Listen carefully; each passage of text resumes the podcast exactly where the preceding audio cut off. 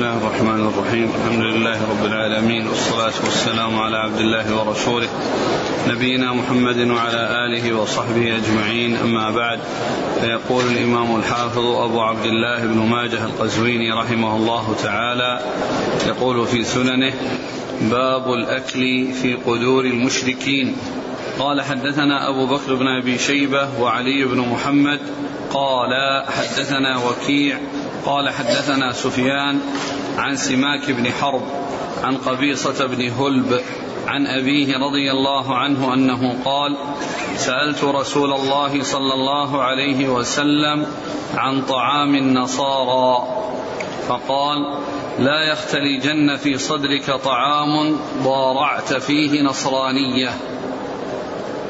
أعد وسألت سألت رسول الله صلى الله عليه وسلم عن طعام النصارى فقال لا يختلجن في صدرك طعام ضارعت فيه نصرانية.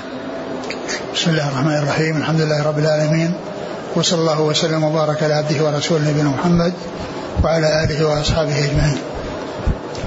يقول الإمام ماجه رحمه الله باب الأكل في قدور المشركين. المقصود من هذه الترجمة أن قدور المشركين والكفار من أهل الكتاب وغيرهم أن أن الإنسان إذا احتاج إلى أنه ينبغي له أن يستغني عنهم وأن يحرص على أن يكون طعامه الذي يستعمله أو القدور التي يستعملها ليست القدور التي يستعملها الكفار. وإنما يستغني عنها. وإن اضطر إليها فإنه يغسلها فإنه يغسلها قبل أن يستعملها. وذلك لأنهم كانوا يستعملون يطبخون فيها الميتات ويطبخون فيها الخنازير و فيكون الإنسان عندما يضطر إليها ويحتاج إليها فإنه يغسلها ويستعملها نظيفة. وهذا بالنسبة للشيء الذي يستعملونه. أما ما يصنعونه ويأتي من مصانعهم فإن هذا لا يحتاج إلى غسل لأنه إنما لم يستعمل ولم يطبخ فيه شيء من النجاسات وإنما في الشيء الذي يستعملونه إذا احتاج الإنسان إليه.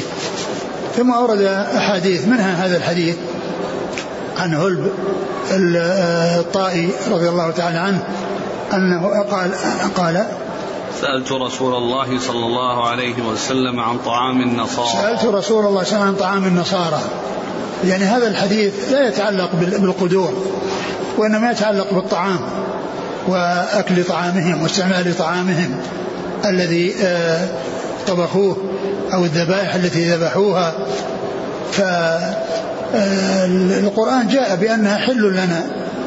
يعني اليهود والنصارى أهل الكتاب طعامهم حل لنا وذبائحهم حل لنا ونساءهم حل لنا كما جاء ذلك في القرآن. فإذا آه، أهل الكتاب أباح الله لنا نساءهم وأباح لنا طعامهم ولا يكون ذلك لغيرهم. فلا يحل لنا ذبائح غير أهل الكتاب ولا نساء غير أهل الكتاب. وإنما القرآن وهذه الشريعة جاءت بإباحة الزواج منهم وكذلك أكل طعامهم. أما غيرهم فلا تؤكل ذبائحهم ولا تنكح نساءهم. أما غيرهم من الكفار فلا تؤكل ذبائحهم ولا تنكح نساءهم. وهذا كما قلت يعني ليس فيه ذكر يعني ما يطابق الترجمة يعني من ناحية القدور وإنما هو الطعام. فالنبي صلى الله عليه وسلم قال لا يختلجن في صدرك طعام ضارعت فيه نصرانية. لا يختلجن يعني أن أن الطعام مباح وأن القرآن جاء بإباحته وحله. وطعامكم حل لهم. طعامهم حل لكم وطعامكم حل لهم. فالقرآن جاء بذلك. وليس الإنسان يتردد في شيء ثبت في كتاب الله عز وجل حله وإباحته. و آه وإذا كان الإنسان حصل منه يعني آه شيء أو شك في حله فإنه يكون بذلك شابه الرهبان من النصارى أو أصحاب الرهبانية الذين يتشددون والذين يحصل منهم يعني شيء من التشدد فيكون بذلك مشابها لهم فيكون بذلك مشابها لهم. يعني إن هذه طريقة الرهبانيين أو أهل الرهبانية من النصارى أنهم يحصل منهم. يعني مثل ذلك فيكون من شك في حل طعامهم يكون بذلك مشابها آه، يعني هذا النوع هذا الصنف أو هذا هذه الفئة أو هذه الجماعة من النصارى الذين عندهم آه، آه، تشدد وعندهم يعني حصول يعني مثل هذا يعني هذه الشكوك وهذه الريب فالشيء الذي أباحه الله عز وجل فإنه حل لنا. اللهم إلا إذا كان علم من النصارى أنهم يذبحون بطريقة غير شرعية بمعنى أنهم أنها تكون ميتة ويذبحونها وهي ميتة فإن ذلك لا يكون لا يحل لأن المسلم لو آه، آه، حصل منه آه، يعني حصول لو حصل منه أنه بالنسبة لذبيحته أنه خنقها أو أنه عمل على إزهاق نفسها قبل أن يذبحها فإنها تكون حراما فإنه فإنها تكون حراما فكذلك الكفار. أما إذا لم يعرف ذلك عنهم وكانوا لا, لا يجعلونها ميتة أو لا تصل إلى أن تكون ميتة فإن طعامهم هو الأصل الحل, الحل لنا كما جاء ذلك في كتاب الله عز وجل. نعم. لا يختلجن في صدرك طعام ضارعت. فيه نصرانية. ضارعت يعني شابهتها يعني شابهت النصارى أو الجماعة الذين يعني يتشددون من النصارى. وهم آه، أهل الرهبانية. نعم. قال حدثنا أبو بكر بن أبي شيبة. ثقة أخرج أصحاب الكتب إلا الترمذي. وعلي بن محمد. الطنافسي ثقة أخرجه النسائي في مسند علي وابن ماجه. عن وكيع. ابن الجراح ثقة أخرج أصحاب الكتب. عن سفيان. الثوري ثقة أخرج أصحاب الكتب. عن سماك بن حرب. وهو صدوق أخرجه البخاري تعليقا ومسلم وأصحاب السنن عن قبيصة بن هلب. وهو مقبول أخرج له. أبو داود والترمذي وابن ماجه. نعم. عن أبي أبي هلب الطائي رضي الله عنه أخرج له. أبو داود والترمذي وابن ماجه. نعم. وقد جاء يعني ما يشهد له في سنن الترمذي من طريق عدي حديث عن علي بن حاتم وقال مثله بعدما ساق الحديث يعني من طريق هلب ذكر طريقا آخر. عند عدي وقال مثله. نعم. قال حدثنا علي بن محمد قال حدثنا أبو أسامة قال حدثني أبو فروة يزيد بن سنان قال حدثني عروة بن رويم اللخمي عن أبي ثعلبة الخشني رضي الله عنه قال ولقيه وكلمه قال أتيت رسول الله صلى الله عليه وسلم فسألته فقلت يا رسول الله قدور المشركين نطبخ فيها؟ قال لا تطبخوا فيها. قلت فإن احتجنا إليها فلم نجد منها بدا. قال فارحضوها رحضا حسنا ثم اطبخوا وكلوا. ثم ذكر هذا الحديث عن أبي ثعلبة الخجني جرثوم بن ناشر رضي الله تعالى عنه أنه سأل النبي صلى الله عليه وسلم عن قدور المشركين. فقال لا. يعني عن الأكل فيها والطبخ فيها قال لا. قال فإنا نحتاج إليها. يعني فكأنه في الأول يعني سأله سؤالا مطلقا. يعني آه، قد يكون يعني يفهم منه الإباحة مطلقا. فقال لا. فلما ذكر له الحاجة إليها وأنه قد يحتاج يعني يكون في أرض العدو وأرض اليهود النصارى فيحتاجون إلى شيء من قدورهم لأنه ليس معهم قدور يستعملونها. قال عليه الصلاة والسلام آه، آه، قال عليه الصلاة والسلام إن لم تجدوا. قال ف... آه، قال لا تطبخوا فيها. قلت فإن احتجنا إليها. قال فإن لم نجد منها بدا. قال فارحضوها رحضا حسنا ثم اطبخوا وكلوا. يعني إن لم تجدوا بدا من استعمالها بأن لم يكن أمامكم مجال إلا استعمال هذه الآنية التي يستعملها الكفار فإنكم تستعملونها ولكن ارحضوها يعني اغسلوها غسلا حسنا ونظفوها حتى تذهب الآثار آثار ما يطبخونه فيها من النجاسات كالميتات والخنازير. ف فالإنسان عند الضرورة يستعملها لكن بعد غسلها. غسلا حسنا ورحضها يعني وتنظيفها تنظيفا جيدا بحيث لا يبقى آثار لما طبخ فيها من نجاساتهم التي كانوا يستعملونها في قدورهم من الميتات والخنازير. نعم. قال حدثنا علي بن محمد عن أبي أسامة. أبو أسامة حماد بن أسامة ثقة أخرج أصحاب الكتب. عن أبي فروة يزيد بن سنان وهو ضعيف. الترمذي وابن ماجه نعم. عن عروة بن رويم وهو صدوق غير أبو داود والنسائي بن ماجه نعم. عن أبي ثعلبة الخشني. رضي الله عنه أخرج أصحاب الكتب. قوله و و و و و ورأيته فسألته. قال ولقيه وكلمه. ولقيه وكلمه يعني هذا فيه إثبات أنه لقيه وأنه كلمه لأن فيه كلاما حول سماعه منه. وهذا فيه إثبات سماعه منه لأنه لقيه وكلمه أي كلم لقي عروة بن رويم لقي عروة لقي أبا ثعلبة الخشني وكلمه يعني وأخذ عنه. نعم. والحديث في إسناده يزيد بن سنان لكن الحديث جاء من طرق أخرى صحيحة. نعم وهو عند الترمذي وعند ابن ماجه مطولا وسيأتي. نعم. القدور التي تباع عندنا وهي مصنوعة من بلا في بلاد الكفار. أنا أجبت على هذا. قلت إن, إن هذا خاص بالشيء الذي يستعملونه ويطبخون فيه. أما ما يأتي من مصانعهم وهو غير مستعمل فإنه آه، يستعمل ولا ولا يلزم غسله. نعم.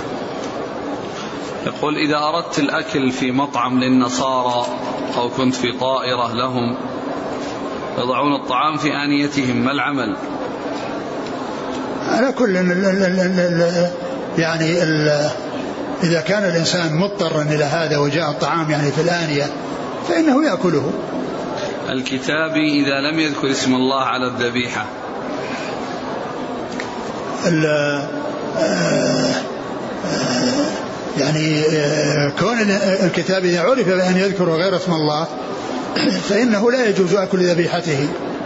وإن كان يجهل وإن كان ذلك مجهولا فإنه الأصل الجواز. يعني حتى يأتي شيء يدل على خلافه وهو أنه يذكر غير الله عز وجل. فالذي ذكر عليه غير اسم غير الله عز وجل لا يجوز أكله. وما لم يعلم أنه ذكر عليه اسم, اسم غير الله فإن الأصل هو إباحته. لأنه لا يلزم أن نعرف أن هذا الطعام آه، بعينه آه، ذكر آه، اسم الله عليه. ومن المعلوم أن, أن الإنسان الذابح المسلم لو نسي الذبح فإن ذبيحته حلال.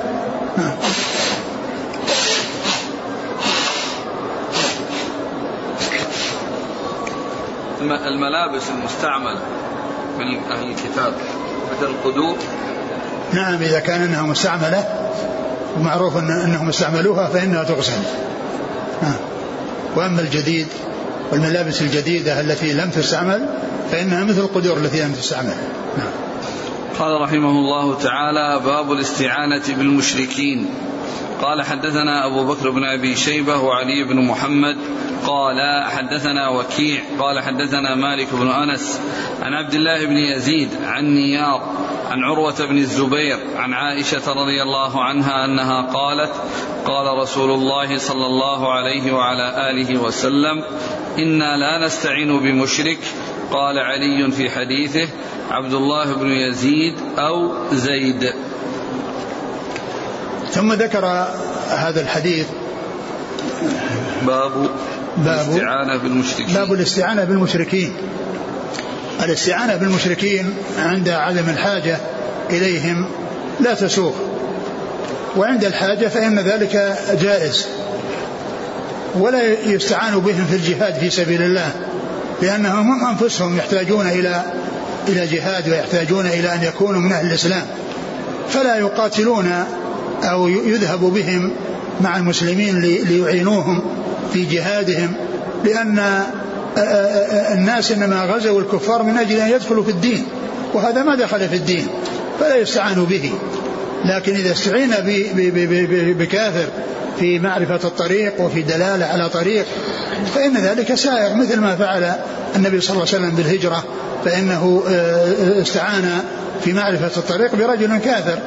وعبد الله بن هريقط فإنه كان هو الدليل الذي آه، يدل آه، يدلهم الطريق ويعني يبين لهم الطريق. فالاستعانة بالكفار في الشيء الذي يحتاج إليهم فيه وليس من الجهاد في سبيل الله هذا لا بأس به.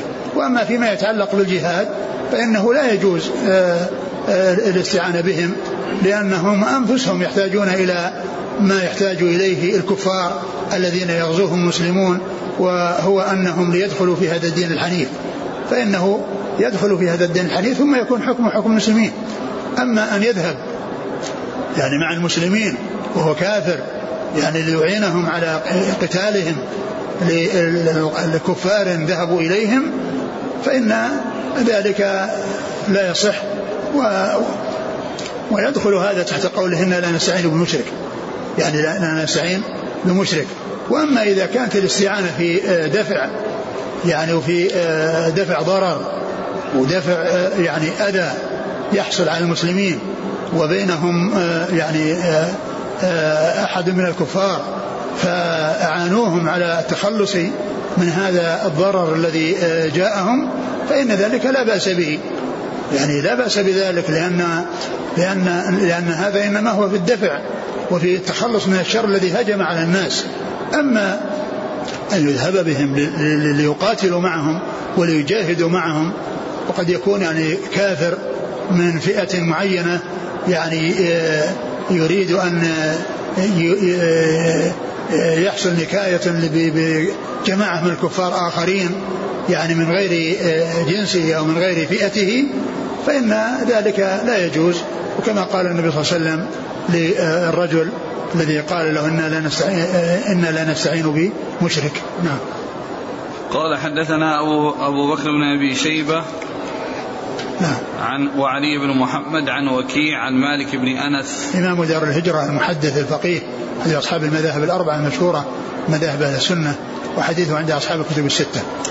عن عبد الله بن يزيد. عن عبد الله هو ابن نيار. عبد الله بن نيار. لأن قالوا أن يزيد. فعبد الله بن يزيد إيش؟ عن عبد الله بن يزيد إيه؟ عن؟ عن نيار. نعم هو عن عن عبد الله بن نيار. يعني كلمة يزيد وكلمة عن هذه يعني زائدة. ثقة أخرجه مسلم وأصحاب السنن. نعم. عن عروة بن الزبير. عروة بن الزبير ثقة فقيه أخرجه أصحاب الكتب. عن عائشة. أم المؤمنين رضي الله تعالى عنها وأرضاها و وهي ممن أكثر رواية عن رسول الله عليه الصلاة والسلام. وفي صحيح مسلم الحديث هذا من طريق مالك عن فضيل بن أبي عبد الله عن عبد الله بن نيار. عن عبد الله ابن نيار. يقول ألم يتفق النبي صلى الله عليه وسلم مع اليهود في المدينة أن يقاتلوا معه من يحارب المسلمين في المدينة؟ نعم. وهذا من من الاستعانة يعني من يهجم عليهم لا أن يذهبوا معهم. نعم. هذا سؤال يقول أليس استعمال أسلحتهم الحربية والطائرات من باب الاستعانة بهم لا هذا لا يقال إنه من الاستعانه بهم لأن السلاح يعني كان المسلمون يأخذونه منهم. يعني ما كانوا يصنعون الأسلحة وإنما كان في الغالب أن سلاحهم من الكفار ومن الغنائم التي يغنمونها فهم يقاتل يأخذون سلاحهم منهم ويقاتلونهم بسلاحهم. ف يعني كون كون أنهم يشترون السلاح منهم أو أنهم ينتصرون عليهم ويأخذون السلاح منهم ثم يقاتلهم يقاتلونهم بسلاح شروه منهم أو آه، غنموه منهم هذا ليس من قبيل الاستعانة بهم نعم. نعم. قال رحمه الله تعالى باب الخديعة في الحرب. قال حدثنا محمد بن عبد الله بن نمير قال حدثنا يونس بن بكير عن محمد بن إسحاق عن يزيد بن رومان عن عروة عن عائشة رضي الله عنها أن النبي صلى الله عليه وسلم قال الحرب خدعة. ثم ذكر الخديعة في الحرب. والمقصود بالخديعة يعني الشيء الذي فيه إيهام للعدو بقوة المسلمين وب آه، يعني آه، شجاعتهم ونشاطهم ويعني قدرتهم على يعني مقاومة الأعداء. يعني وإن كان فيهم شيء من الضعف فإن هذا يعتبر من الخديعة. وهذا مثل ما حصل من النبي صلى الله عليه وسلم لما ذهب في عمرة القضاء وكان المشركون جلسوا في آه، من وراء الحجر في الجهة الشمالية من الكعبة.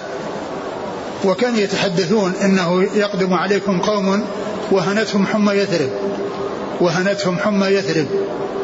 فالله أسمع نبيه صلى الله عليه وسلم هذا الكلام منهم فأمر أصحابه بأن يرملوا يرملوا في الأشواط في الأشواط الأول. يعني أمرهم أن يرملوا.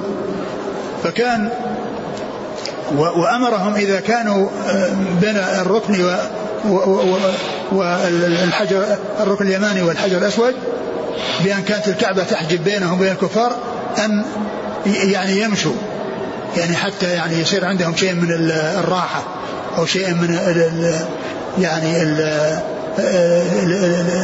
الاستراحة يعني من من من من من, من, من هذا الرمل لأن الرمل يعني فيه مشقة عليهم. فأمرهم بأن يفعلوا وهذا من الخديعة. هذا من أمثلة الخديعة يعني كونهم يرونهم قوتهم وإن كان معهم شيء من الضعف وإن كان عندهم شيء من الضعف ولهذا أمرهم بأن يمشوا إذا كانوا وراء الكعبة في المكان الذي تسترهم الكعبة أو تحول الكعبة بينهم وبين الكفار. وكذلك أيضا من الخديعة أو من من التورية يعني مثل مثل مثل ما كان عليه الصلاة والسلام إذا أراد غزوة فإنه يوري بغيرها. يعني حتى لا يظهر الخبر ويصل إلى الكفار فيستعدون. فكان عليه الصلاة والسلام إذا أراد غزوة ورى فكان إذا كان يريد أن يذهب إلى جهة الجنوب يسأل عن الطرق من جهة الشمال. فالذي يسمع مثل هذا السؤال يظن أنه سيذهب شمال. وهذا تورية هو يريد الجنوب ولكنه يسعى عن طرق اللي من جهة الشمال فيعني فهذا في تورية يعني حتى لا يصل الخبر إلى الكفار وأن الرسول صلى الله عليه وسلم يستعد لغزوهم إلا في غزوة تبوك فإنه أعلن في الناس أنه يعني آه، أنه آه، سائر إلى الروم لغزوهم وأمر الناس واستنفر الناس. واستنفر الناس لأن المسافة بعيدة والصيف حار والظهر قليل فكان لابد من إعلام الناس وأيضا استنفار ف يعني هذا من الخديعة والخديعة تسوء تسوء يعني إظهار العدو شيء يعني يدل أو يفهم منه قوة المسلمين هذا أمر مطلوب. لكن لا لا يجوز أن يكون في ذلك نقض لعهد. وأن يترتب على ذلك يعني نقض العهود التي بينه وبين الكفار يعني بالخديعة وإنما تكون في شيء يعني إظهار قوتهم وإظهار نشاطهم وإظهار أن عندهم الاستعداد حتى يخافهم الكفار وحتى يرعبهم الكفار يحصل لهم الرعب منهم. نعم. قال حدثنا محمد بن عبد الله بن نمير. ثقة أخرج أصحاب الكتب. عن يونس بن بكير. وهو صدوق يخطئ أخرج البخاري تعليقا ومسلم وأبو داود والترمذي وابن ماجه. نعم. عن محمد بن إسحاق. وهو صدوق أخرج حديث البخاري تعليقا ومسلم وأصحاب السنن عن يزيد بن رومان. وهو ثقة أخرج له. أصحاب الكتب. نعم. قال حدثنا محمد بن عبد الله بن نمير. قال حدثنا يونس بن بكير عن مطر بن ميمون عن عكرمة عن ابن عباس رضي الله عنهما أن النبي صلى الله عليه وسلم قال الحرب خدعة. ثم ذكر هذا الحديث هو بمعنى الحديث الأول. نعم. قال حدثنا محمد بن عبد الله بن نمير عن يونس بن بكير عن مطر بن ميمون. وهو؟ متروك رواه ابن ماجه. نعم. عن عكرمة عن ابن عباس. عكرمة هو ابن عباس ثقة أخرج أصحاب الكتب. عن ابن عباس.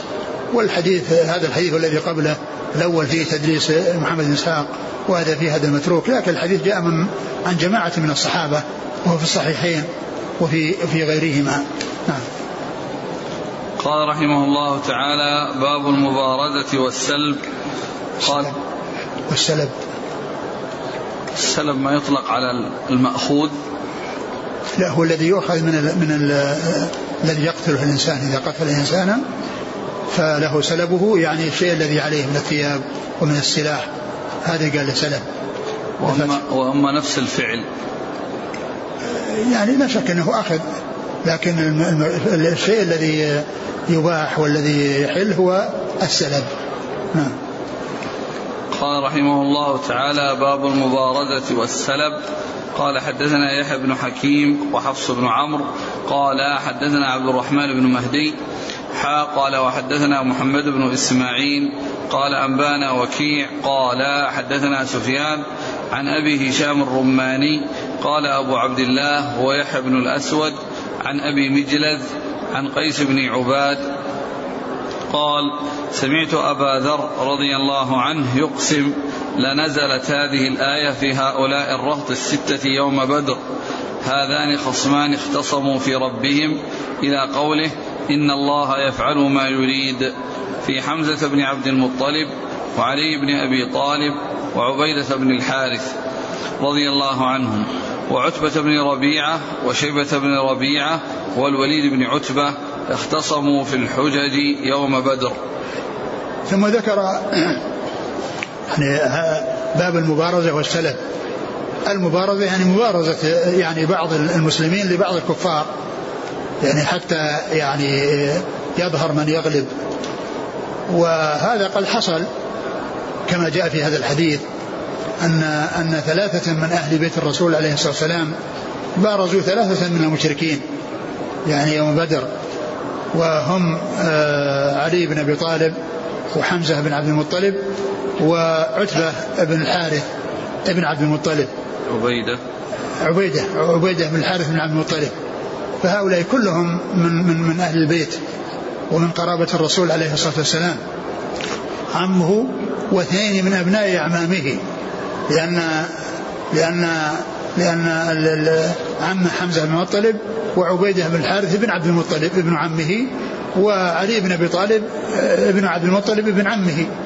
فثلاثة من أهل البيت بارزوا ثلاثة من المشركين. فيعني ونزلت فيهم يعني هذه الآية. والآية كما هو معلوم هي عامة تشمل يعني يعني مثل هذه الحالة وغيرها لأن المقصود بها المؤمنين والكافرين. يعني اختصموا في ربهم يعني المؤمنون والكفار. ثم ذكر بعد ذلك يعني بقية الآية وأن يعني بيان ما حصل للمؤمنين وما حصل للكافرين. وقال في آخرها إلى قوله إن, إن الله يفعل ما يريد.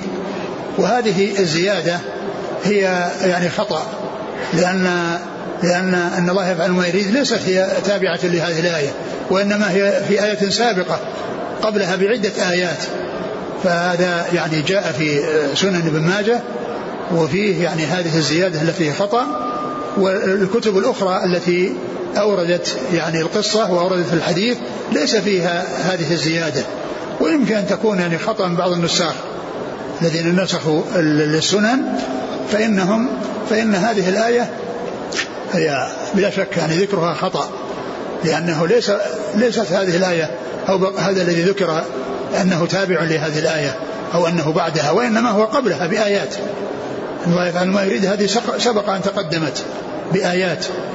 فهذا جاءت في سنن ابن ماجه ولكن الذين خرجوا الحديث يعني في آه، غير ابن ماجه ما ما أتوا بهذه الجملة.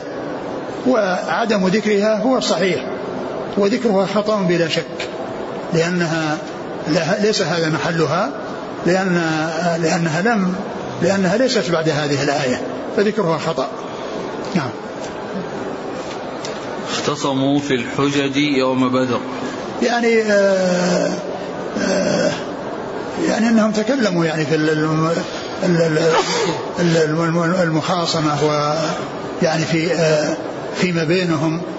فيعني من ناحية دين دين المسلمين والدين الذي عليه الكفار. نعم. اختصام ولا مبارزة هي أصلا لا المبارزة حصلت لكن في كلام يعني قالوا أن فيه كلام يعني مع مع مع مع المبارزة. نعم. قال حدثنا يحيى بن حكيم هو؟ ثقة أبو داود والنسائي بن ماجه نعم. وحفص بن عمرو. هو؟ ثقة أخرج أبو داود فضائل الأنصار وابن ماجه. نعم. عن عبد الرحمن بن مهدي. ثقة أخرج أصحاب الكتب. حا قال وحدثنا محمد بن إسماعيل. وهو صدوق أخرج له. ثقة أخرجه الترمذي والنسائي بن ماجه. نعم. عن وكيع عن سفيان عن أبي هاشم الرماني. وهو؟ ثقة أخرج أصحاب الكتب. عن أبي مجلذ ثقة أخرج أصحاب الكتب. عن قيس بن عباد. وهو؟ ثقة أخرج له أصحاب الكتب إلا الترمذي. نعم. عن أبي ذر. أبو ذر جندب بن جناد رضي الله عنه أخرج أصحاب الكتب. قال حدثنا علي بن محمد قال حدثنا وكيع عن أبي العميس وعكرمة بن عمار عن إياس بن سلمة بن الأكوع عن أبيه رضي الله عنه أنه قال بارزت رجلا فقتلته فنفلني رسول الله صلى الله عليه وسلم سلبه. ثم ذكر هذا الحديث عن سلمة بن الأكوع رضي الله عنه وقال قتلت رجلا من الكفار فنفلني النبي صلى الله عليه وسلم سلبه. يعني سلبه هو ما عليه من الثياب والسلاح. يعني واختلف في الدابة هل هي تكون تابعة للنفل أو غير تابعة. وأما ما كان عليه من الثياب فهذا يعني هو هو سلبه لأنه يسلبه إياه ويستخرجه منه ويسمى هذا المأخوذ سلبا. وقال نفلني يعني أعطاه إياه خارج عن الغنيمة لأن زيادة عن نصيبه من الغنيمة. لأن التنفيل هو شيء خارج عن الغنيمة وزائد عن الغنيمة يعني فأعطاه سلبه. نعم. قال حدثنا علي بن محمد عن وكيع عن أبي العميس. وهو ثقة أخرج له. أصحاب الكتب. نعم. وعكرمة بن عمار. وهو؟ صدوق يغلط. أخرج البخاري تعليقا ومسلم وأصحاب السنن. نعم. عن هياس بن سلم بن الأكوع. وهو ثقة أخرج له. أصحاب الكتب. نعم. عن أبي. أبو سلم الأكوع الأسلمي رضي الله عنه أخرج أصحاب الكتب. قال حدثنا محمد بن الصباح قال أنبانا سفيان بن عيينة عن يحيى بن سعيد عن عمر بن كثير بن أفلح عن أبي محمد مولى أبي قتادة عن أبي قتادة رضي الله عنه أن رسول الله صلى الله عليه وسلم نفله سلب قتيل قتله يوم حنين. أعد. عن؟ قال حدثنا محمد بن الصباح قال أنبانا سفيان بن عيينة عن يحيى بن سعيد عن عمر بن كثير بن أفلح عن أبي محمد مولى أبي قتادة عن أبي قتادة رضي الله عنه أن رسول الله صلى الله عليه وسلم نفله سلب قتيل قتله يوم حنين. وهذا مثل حديث أبي ذر المتقدم حصل لأبي قتادة مثل ما حصل لأبي ذر وأن النبي صلى الله عليه وسلم نفله سلب قتيل قتله يوم حنين. نفله يعني أعطاه إياه زيادة على نصيبه من الغنيمة. هذا هو التنفيذ. ويعني لا نفله سلبه. نعم فهذا مثل ما حصل لأبي ذر تماما. نعم. مثل ما حصل لأبي ذر. وهو بأبي ذر اللي راح. سلمة. هي الحديث. يعني أبو ذر حصل حصل سلمة سلمة. وسلمة اللي سلمة الأكوع. يعني حصل لسلمة حصل لأبي قتادة مثل ما حصل لسلمة الأكوع. يعني آه، كل منهما نفل سلب من قتله. نعم. قال حدثنا محمد بن الصباح. صدوق خرج حديثه أبو داود. وابن ماجه. نعم. عن سفيان بن عيينة. ثقة أخرج أصحاب الكتب. عن يحيى بن سعيد. وهو آه، الأنصاري. ثقة أخرج أصحاب الكتب. عن عمر بن كثير بن أفلح. عمر ولا عمر؟ عمر. نعم. وهو ثقة أخرج له البخاري ومسلم وأبو داود والترمذي والنسائي في مسند مالك وابن ماجه. هذا عمر؟ عمر؟ عندي عمر. بن كثير بن أفلح ويقال له عمرو أيوة. الترجمة. أخرج له؟ أصحاب الكتب إلا بالماء إلا النسائي فأخرج له في مسند مالك. هذا في ترجمة عمر؟ تقريب؟ في عمر ابن كثير بن أفلح قال ويأتي في عمرو أيوة. ثم هناك ذكره بعمرو نعم. وهناك ذكر روى له. ابن ماجه. روى له ابن ماجه بس. ابن ماجه فقط. وهذا هو الذي ذكر في تحفة في تهذيب الكمال لأنه قال روى له ابن ماجه. روى له ابن ماجه وما ذكر غيره معه. نعم. عمر بن كثير بن أفلح المكي ويقال عمر. ها. قال لا بأس به. وكان مرموز له بدال سين. إيه. ما أدري لعله يعني لأنه جاء بلفظ عمر وأنه عند عند دال سين بلفظ عمر. ولكنه بلفظ عمر يعني آه، عند أبي عند عند ابن ماجه. وفي تهذيب الكمال آه، رمز له مش رمز نص يعني كعادته في آخر الترجمة أنه يذكر آه، من خرج لهم من من من, الذين خرجوا لصاحب الترجمة من الأئمة الستة فإنه قال رواه له ابن ماجه. عن أبي محمد مولى أبي قتادة. وهو ثقة أخرج أصحاب الكتب. نعم. عن أبي قتادة. أبي قتادة الحارث بن ربعي الأنصاري رضي الله عنه أخرج له أصحاب الكتب. قال حدثنا علي بن محمد قال حدثنا أبو معاوية قال حدثنا أبو مالك الأشجعي عن نعيم بن أبي هند عن ابن سمرة بن جندب عن أبيه رضي الله عنه أنه قال قال رسول الله صلى الله عليه وسلم من قتل فله السلب. ثم ذكر هذا الحديث العام الذي يعني قال فيه النبي صلى الله عليه وسلم من قتل فله السلب. يعني آه وهذا آه اختلف العلماء في معناه. هل المراد به أن كل من قتل له السلب؟ أو أنه إذا قال الإمام أو القائد الجيش من قتل قتيلا فله سلبه فإنه يكون له. لأنه إذا كان في الجيش وقال من قتل قتيلا فله سلبه يكون له سلبه. لكن من قتل قتيلا فله السلب مطلقا يعني الأصل أن هذا يكون من الغنائم. لأن كل ما يحصله الإنسان وكل ما يحصل يتبع الغنائم. لكن ومن العلماء من قال ذلك بأنه آه، أن كل من قتل له السلب.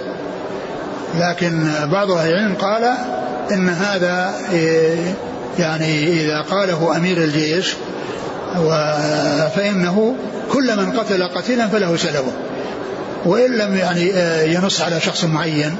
نعم. قال حدثنا علي بن محمد عن أبي معاوية. أبو معاوية محمد بن خازم الضرير الكوفي. ثقة أخرج أصحاب الكتب. عن أبي مالك الأشجعي. وهو ثقة أخرج له. البخاري تعليقا ومسلم وأصحاب السنن. نعم. عن نعيم بن أبي هند. وهو البخاري ثقة أخرج البخاري تعليقا ومسلم. وابو داود في المراسيل الترمذي والنسائي بن ماجه. نعم. عن ابن سمرة بن جندب. وهو غير مسمى وقيل يحتمل يكون سليمان وهو مقبول. أبو داود بن ماجه. نعم. عن أبي سمرة بن جندب. جندب بن عبد الله. سمرة بن جندب. سمرة بن جندب نعم. سمرة هنا الصحابي نعم. أخرج أصحاب الكتب.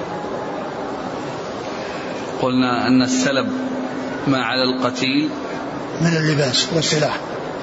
يعني إذا يأخذ ثيابه يجرده. نعم. إيه يعني يترك يعني يترك عليه الشيء الذي يواري عورته. قال رحمه الله تعالى باب الغارات والبيات وقتل النساء والصبيان.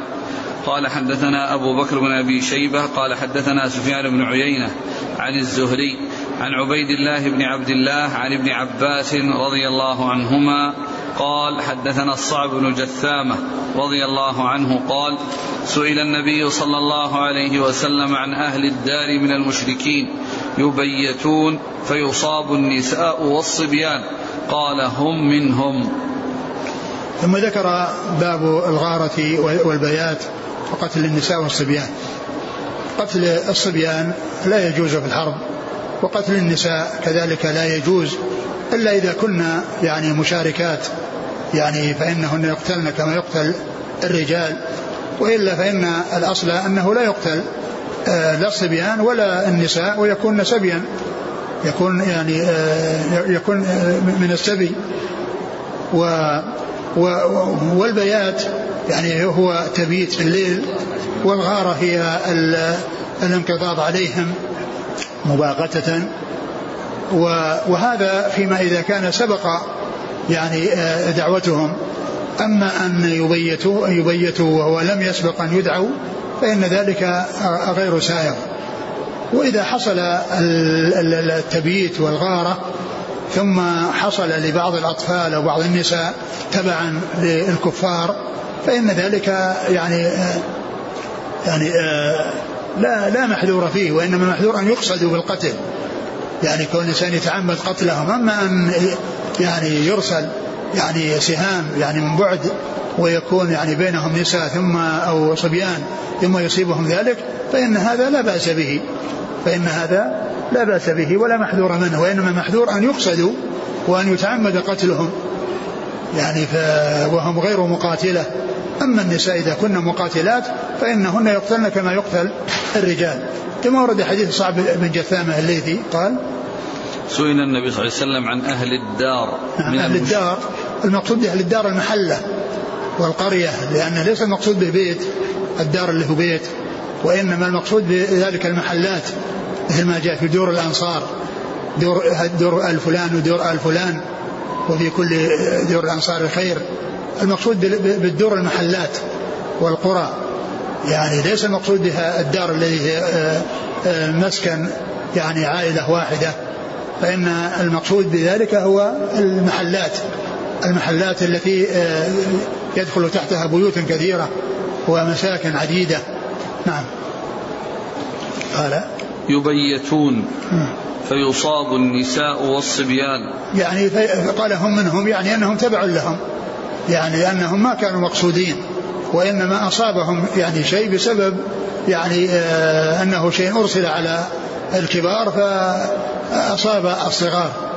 أما إذا كان الصغار متميزين والنساء متميزات فلا يجوز قتلهم لأن السنة جاءت بالنهي عن قتل النساء والصبيان.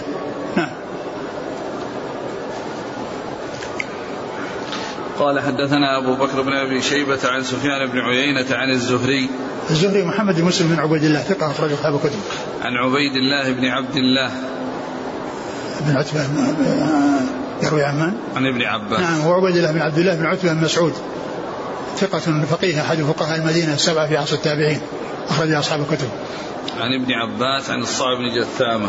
آه، الصعب بن جثامة رضي الله عنه أخرج أصحاب الكتب.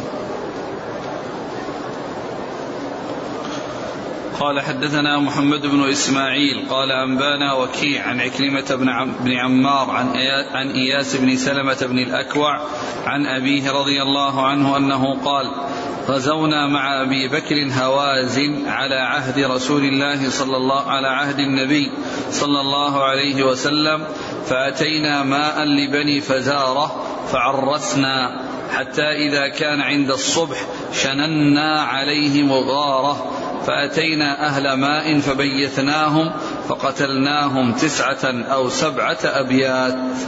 وهذا يعني وهذا الحديث عن عن سلمة بن الأكوع رضي الله عنه أنهم قال غزوا يعني هوازن مع أبي بكر في عهد النبي صلى الله عليه وسلم وأنهم يعني يعني أتوا إلى أهل ماء فقتلوهم وكانوا أهل سبعة أو تسعة أبيات.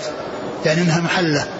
يعني ليس المقصود بها يعني أنها آه، هو مثل ما تقدم يعني آه، يبيت أهل الدار.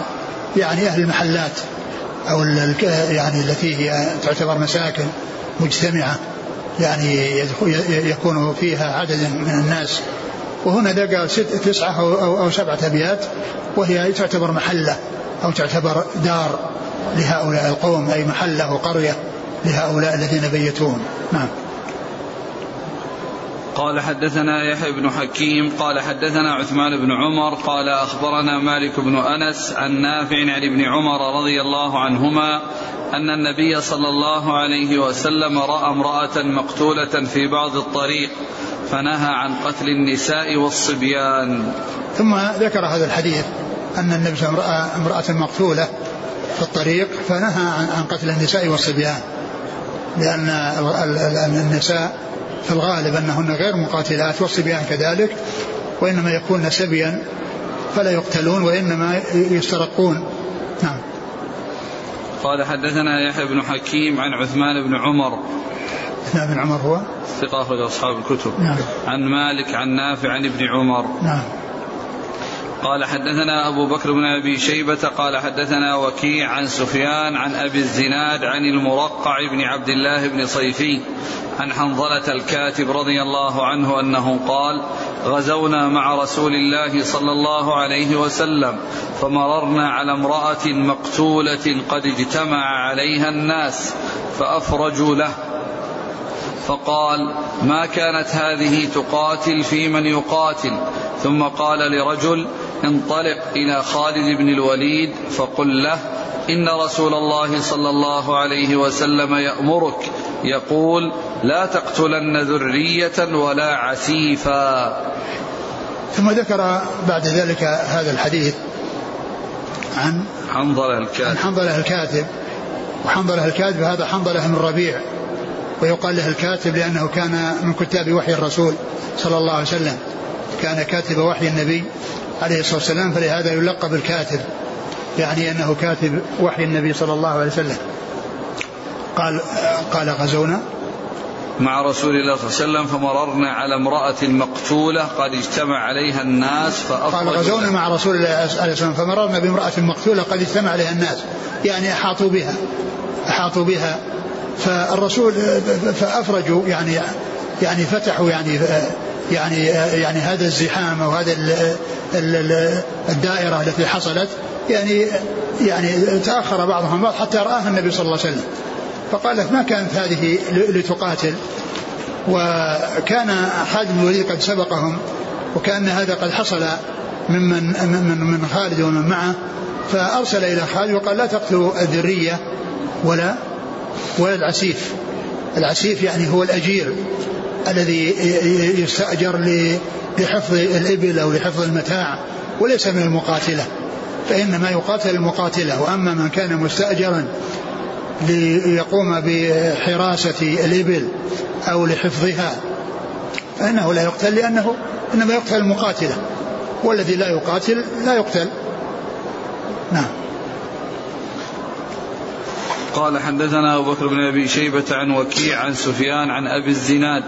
أبو الزناد عبد الله بن ذكوان ثقة أخرج أصحاب الكتب. عن المرقع بن عبد الله. وهو؟ صدوق أبو داود النسائي بن ماجه. نعم. عن حنظلة الكاتب. أخرج له. مسلم والترمذي والنسائي بن ماجه. نعم. قال حدثنا أبو بكر بن أبي شيبة قال حدثنا قتيبة قال حدثنا المغيرة بن عبد الرحمن عن أبي الزناد عن المرقع عن جده رباح بن الربيع رضي الله عنه عن النبي صلى الله عليه وسلم نحوه. قال أبو بكر بن أبي شيبة يخطئ الثوري فيه. هذا الإسناد؟ قال حدثنا أبو بكر بن أبي شيبة قال حدثنا قتيبة قال حدثنا المغيرة بن عبد الرحمن عن أبي الزناد عن المرقع عن جده رباح بن الربيع رضي الله عنه عن النبي صلى الله عليه وسلم نحوه. قال الإسناد الأول اللي قال حدثنا أبو بكر بن أبي شيبة قال حدثنا وكيع عن سفيان عن أبي الزناد عن المرقع بن عبد الله بن صيفي عن حنظلة الكاتب. نعم. وبعدين الثاني؟ قال حدثنا أبو بكر بن أبي شيبة قال حدثنا قتيبة قال حدثنا المغيرة بن عبد الرحمن عن أبي الزناد عن المرقع عن جده رباح بن الربيع. ثم ذكر هذا هذا قال نحوه.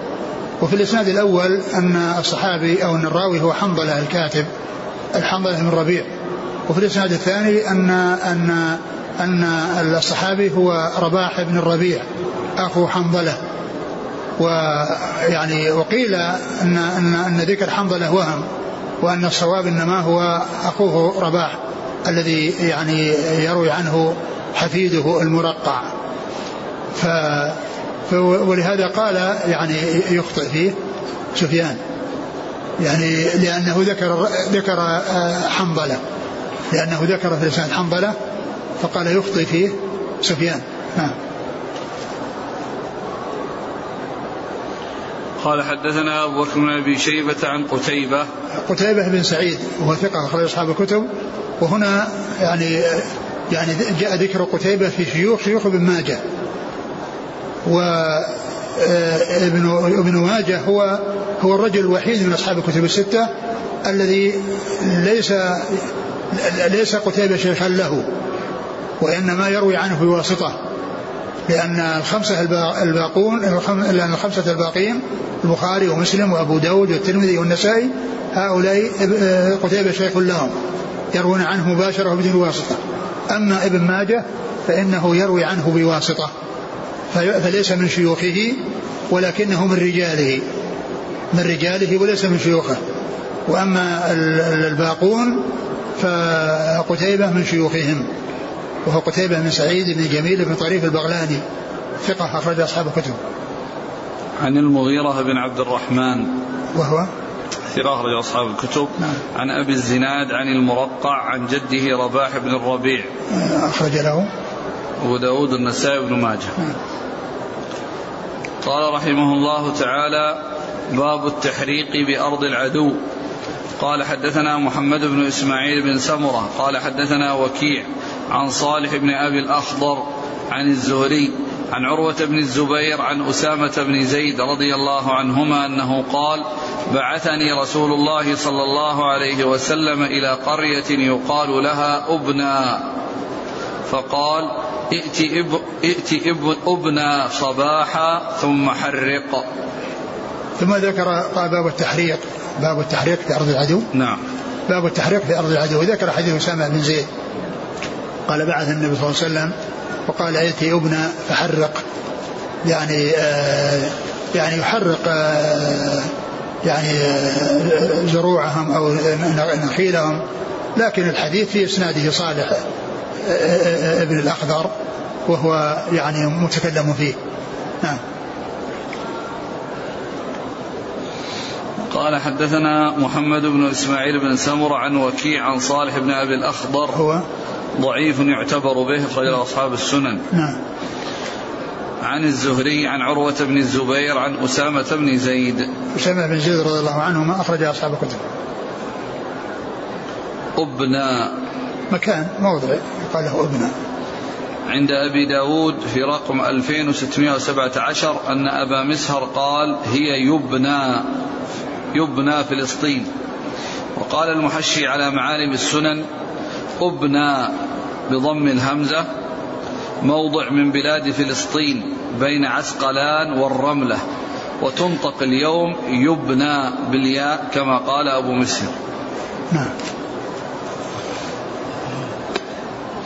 قال حدثنا محمد بن رمح قال أنبانا الليث بن سعد عن نافع عن ابن عمر رضي الله عنهما أن رسول الله صلى الله عليه وسلم حرق نخل بني النضير وقطع وهي البويرة. فأنزل الله عز وجل ما قطعتم من لينة أو تركتموها قائمة الآية. ثم ذكر هذا الحديث آه، آه، أن النبي صلى الله عليه وسلم آه، يعني حرق يعني نخل بني النضير. نعم. حرق. نخل بني النضير وقطع. نخل يعني قطع يعني قطع بعض النخل وحرق بعضه. و وقال وهي البويرة.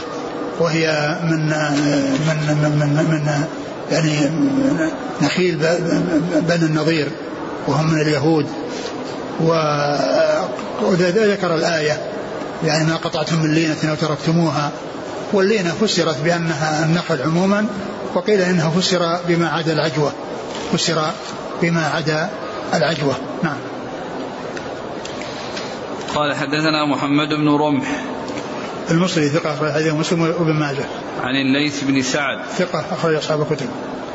عن نافع عن ابن عمر. نافع مولى بن عمر ثقة أخرج أصحاب الكتب. قال حدثنا عبد الله بن سعيد قال حدثنا عقبة بن خالد عن عبيد الله عن نافع عن ابن عمر أن النبي صلى الله عليه وسلم حرق نخل بني النضير وقطع وفيه يقول شاعرهم فهان على سرات بني لؤي حريق بالبويرة مستطير ثم ذكر يعني هذا الحديث عن ابن عمر وهو مثل الذي قبله الا ان فيه زيادة هذا البيت. من الشعر وهو لحسان بن ثابت رضي الله تعالى عنه وقوله شاعرهم يعني شاعر المسلمين نعم قال حدثنا عبد الله بن سعيد الأشج ثقة أخرج أصحاب الكتب وهو شيخ لأصحاب الكتب. عن عقبة بن خالد وهو صدوق رواه أصحاب الكتب. نعم. عن عبيد الله عن نافع عن ابن عمر. عبيد الله بن, بن, بن, بن عمر العمري المصغر ثقة أخرج أصحاب الكتب. نعم. سرات بني لؤي. يعني بني لؤي يعني اللي هم قريش. مع أن الحريق السرات والسرات هي يعني المقصود جمع سري وهو سيد. السرات هم السادة. لا يصلح لا يصلح الناس فوضى لا سرات لهم ولا سرات إذا جهالهم سادوا نعم. لكن التحريق كان لبني النضير. نعم لكن هؤلاء هم اللي حرقوا بني لؤي. فهان على سرات بني لؤي نعم. حريق. يعني يعني هان عليهم أن يحرقوا. ممكن ما يكون المعنى آخر يقول قال حسان ذلك تعييرا لقريش لأنهم كانوا أغروهم بنقض العهد وأمروهم به وعدوهم أن ينصروهم إن قصدهم النبي صلى الله عليه وسلم. من يقول هذا؟ هذا نقل أحد أرسل أحد الإخوة عن الحافظ بن حجر في الفتح. ما أدري لكن الرسول صلى الله عليه وسلم يعني يعني هذا بإذنه عليه الصلاة والسلام. نعم. قال رحمه الله تعالى باب فداء الأسرى. قال حدثنا علي بن محمد ومحمد بن إسماعيل. قال حدثنا وكيع. عن عكرمة بن عمار عن إياس بن سلمة بن الأكوع عن أبيه رضي الله عنه قال غزونا مع أبي بكر رضي الله عنه هوازن قال رحمه الله تعالى باب فداء الأسرى. قال حدثنا علي بن محمد ومحمد بن إسماعيل. قال حدثنا وكيع عن عكرمة بن عمار عن إياس بن سلمة بن الأكوع عن أبيه رضي الله عنه أنه قال غزونا مع أبي بكر رضي الله عنه هوازن على عهد رسول الله صلى الله عليه وسلم. فنفلني جارية من بني فزارة من من أجمل العرب عليها قشع لها فما كشفت لها عن ثوب حتى أتيت المدينة. فلقيني النبي صلى الله عليه وسلم في السوق فقال لله أبوك هبها لي. فوهبتها له فبعث بها ففادى بها أسارى من أسارى المسلمين كانوا بمكة. ثم ذكر باب فداء الأسارى الأسارى. وهي أن الأسارى إذا كانوا بيد المشركين فيعني فإنهم يخلصون بفدائهم بمن يقابلهم يعني من النساء أو الرجال أو كذلك بدفع مبالغ لاستنقاذهم من أيديهم. وتخليصهم من أسرهم. ف أورد حديث سلمة بن الأكوع وأنهم غزوا أنه غزا مع أبي بكر آه، هوازن وأن أن أنه نفل جارية من أجمل النساء وأنها كان عليها يعني آه، عليها قشع. قشع وقيل أن القشع هو يعني لباس من جلد وقيل أنه فرو يعني قلق. فلقي النبي صلى الله عليه وسلم آه، سلمه وقال آه، لله أبوك يعني هبها لي لأنه يريد أن يفادي بها يعني أناسا من المسلمين عند المشركين. فوهبها له فأرسلها في مقابل الفداء أو مفاداة بعض الأسرى الذين كانوا عند عند عند الكفار. و وقول يعني نفلني يعني أنها يعني أنها يعني شيء خارجا عن خارجا عن عن الغنيمة. لأن يعني التنفيل هو ما كان خارجا عن الغنيمة ولعله خص بذلك يعني لسبب من الأسباب. مثل ان يكون يعني كون أبلى بلاء حسنا أو كون حصل منه يعني شيء يقتضي أن يميز وأن ينفل يعني آه، شيئا آه، يعني ثمينا. نفيسا فنفل هذه الجارية. فالنبي صلى الله عليه وسلم قال نفلني. قال هبها لله أبوك. يعني معنى لله أبوك هذه كلمة يعني فيها يعني مدح. يعني لله أبوك الذي أتى بمثلك. لله أبوك الذي أتى بمثلك. يعني فهو مدح وثناء. فأعطاها إياه فأرسل بها عليه الصلاة والسلام ليفاد بها بعض الأسرى. من المسلمين عند الكفار. نعم. قال رحمه الله تعالى باب ما أحرز العدو ثم ظهر عليه المسلمون. قال حدثنا علي بن محمد قال حدثنا عبد الله بن نمير عن عبيد الله عن نافع عن ابن عمر رضي الله عنهما قال ذهبت فرس له فأخذها العدو فظهر عليهم المسلمون فرد عليه في زمن رسول الله صلى الله عليه وسلم قال وأبق عبد له فلحق بالروم فظهر عليهم المسلمون فرده عليه خالد بن الوليد بعد وفاة رسول الله صلى الله عليه وسلم. باب. ما أحرز العدو ثم ظهر عليه المسلمون. يعني ما أحرز العدو من المسلمين بأن أخذ العدو شيئا من المسلمين ثم ظهر عليهم المسلمون. فإن هذا الذي أحرزوه وهو خاص ببعض المسلمين يرجع يرجع إليه. وابن عمر رضي الله عنه في زمن النبي صلى الله عليه وسلم يعني كان يعني يعني الكفار أخذوا فرسا له وذهب فرس فأخذه الكفار ولما يعني غلبوهم وانتصروا عليهم أرجع إليه في عهد النبي صلى الله عليه وسلم. لأن الفرس فرسه ومعروف بعينه أنه لفلان ولكن الكفار أخذوه. فإذا ظهر المسلمون على الكفار فإنه يرجع إلى صاحبه. الذي كان يملكه ولا يقال إنه غنيمة لأن صاحبه من المسلمين معروف وأرجع إليه. وبعد وفاة النبي صلى الله عليه وسلم ابن عمر رضي الله عنه كان له غلام أبقى إلى الروم يعني شرد وذهب وكان لحق بالروم فلما انتصر عليهم المسلمون أعاده خالد بن الوليد إلى إلى إلى ابن عمر لأنه هو مالكه وهو صاحبه. فهذا يدل على أن ما من ما أحرزه الكفار من المسلمين ثم غلب المسلمون عليهم فإنه يرجع إلى صاحبه يعني صاحب المال الذي أحرزه الكفار فإنه يعاد إلى صاحبه المسلمين لأنه حقه.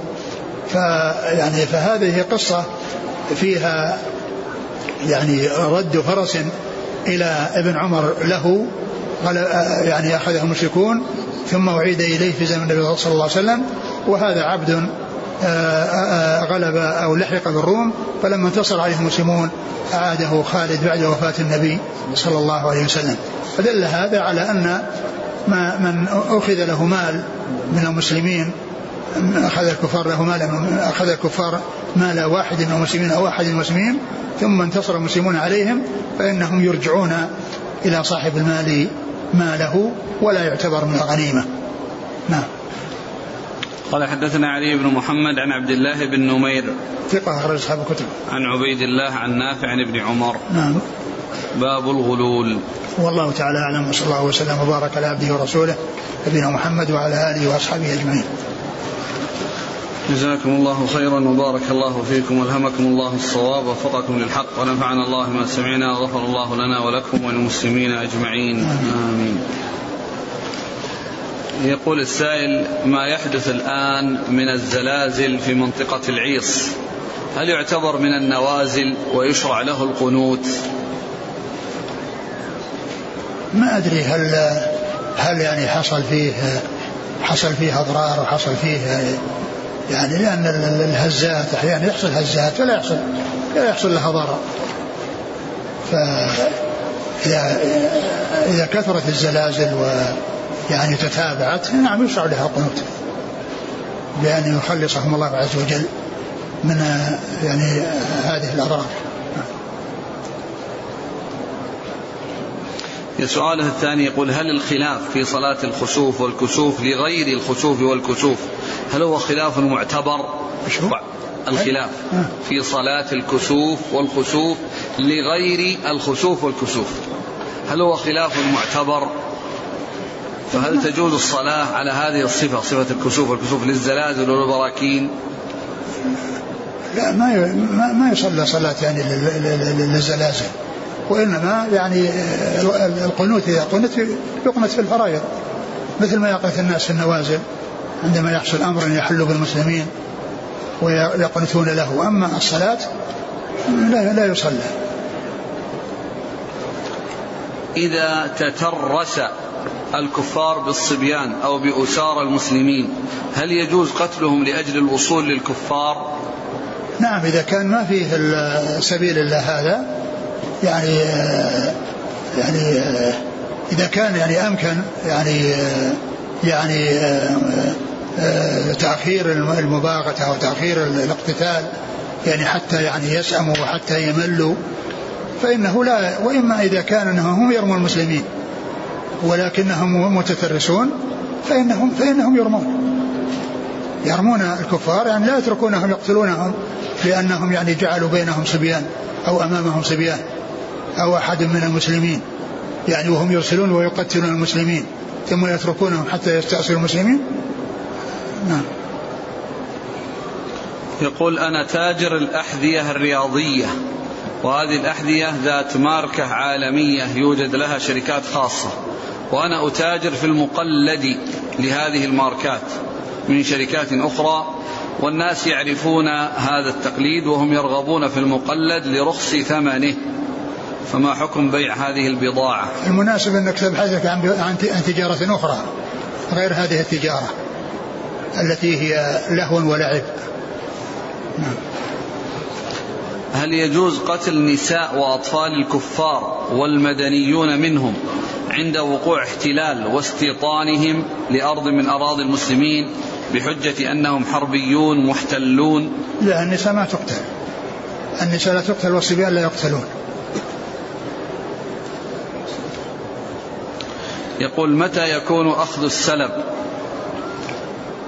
يعني يكون إذا يعني يعني نفله المسؤول عن الجيش يعني فيأخذ من أعطي إياه. أو يعني أو أنه حصل لفظ عام من فعل كذا فله كذا من قتل قتيلا فله سلبه.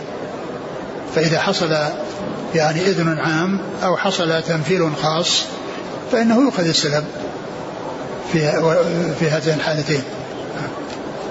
يقول إذا كان السلب يؤخذ بعد الحرب فكيف يتميز؟ يعني هذا إذا كان أنه هو نفسه أخذه لأنه أخذه وحازه على اعتبار أنه يعني سيكون من, من الغنيمة أو يكون له. فيتميز بكونه مع مع مع القاتل بحوزة القاتل لكن هل يكون له أو لا يكون؟ إن نفل إياه بقي معه وإن اعتبر من الغنيمة يسلمه ويضم إلى الغنيمة. وهل يقبل قول كل من ادعى القتل؟ إذا قبله إذا قبله الوالي فإنه آه، ينفله عمر وعثمان رضي الله عنهما شهد لهما النبي صلى الله عليه وسلم بالشهادة. عندما قال لأحد أثبت أحد فإن فوقك نبي وصديق وشهيدان. وهما قتلا من غير جهاد. فأي أنواع الشهداء هما؟ كما هو معلوم يعني ليسوا شهداء معركة ويغسلون ويصلى عليهم. يعني مثل الشهداء الآخرين. لكن لهم أجر الشهادة.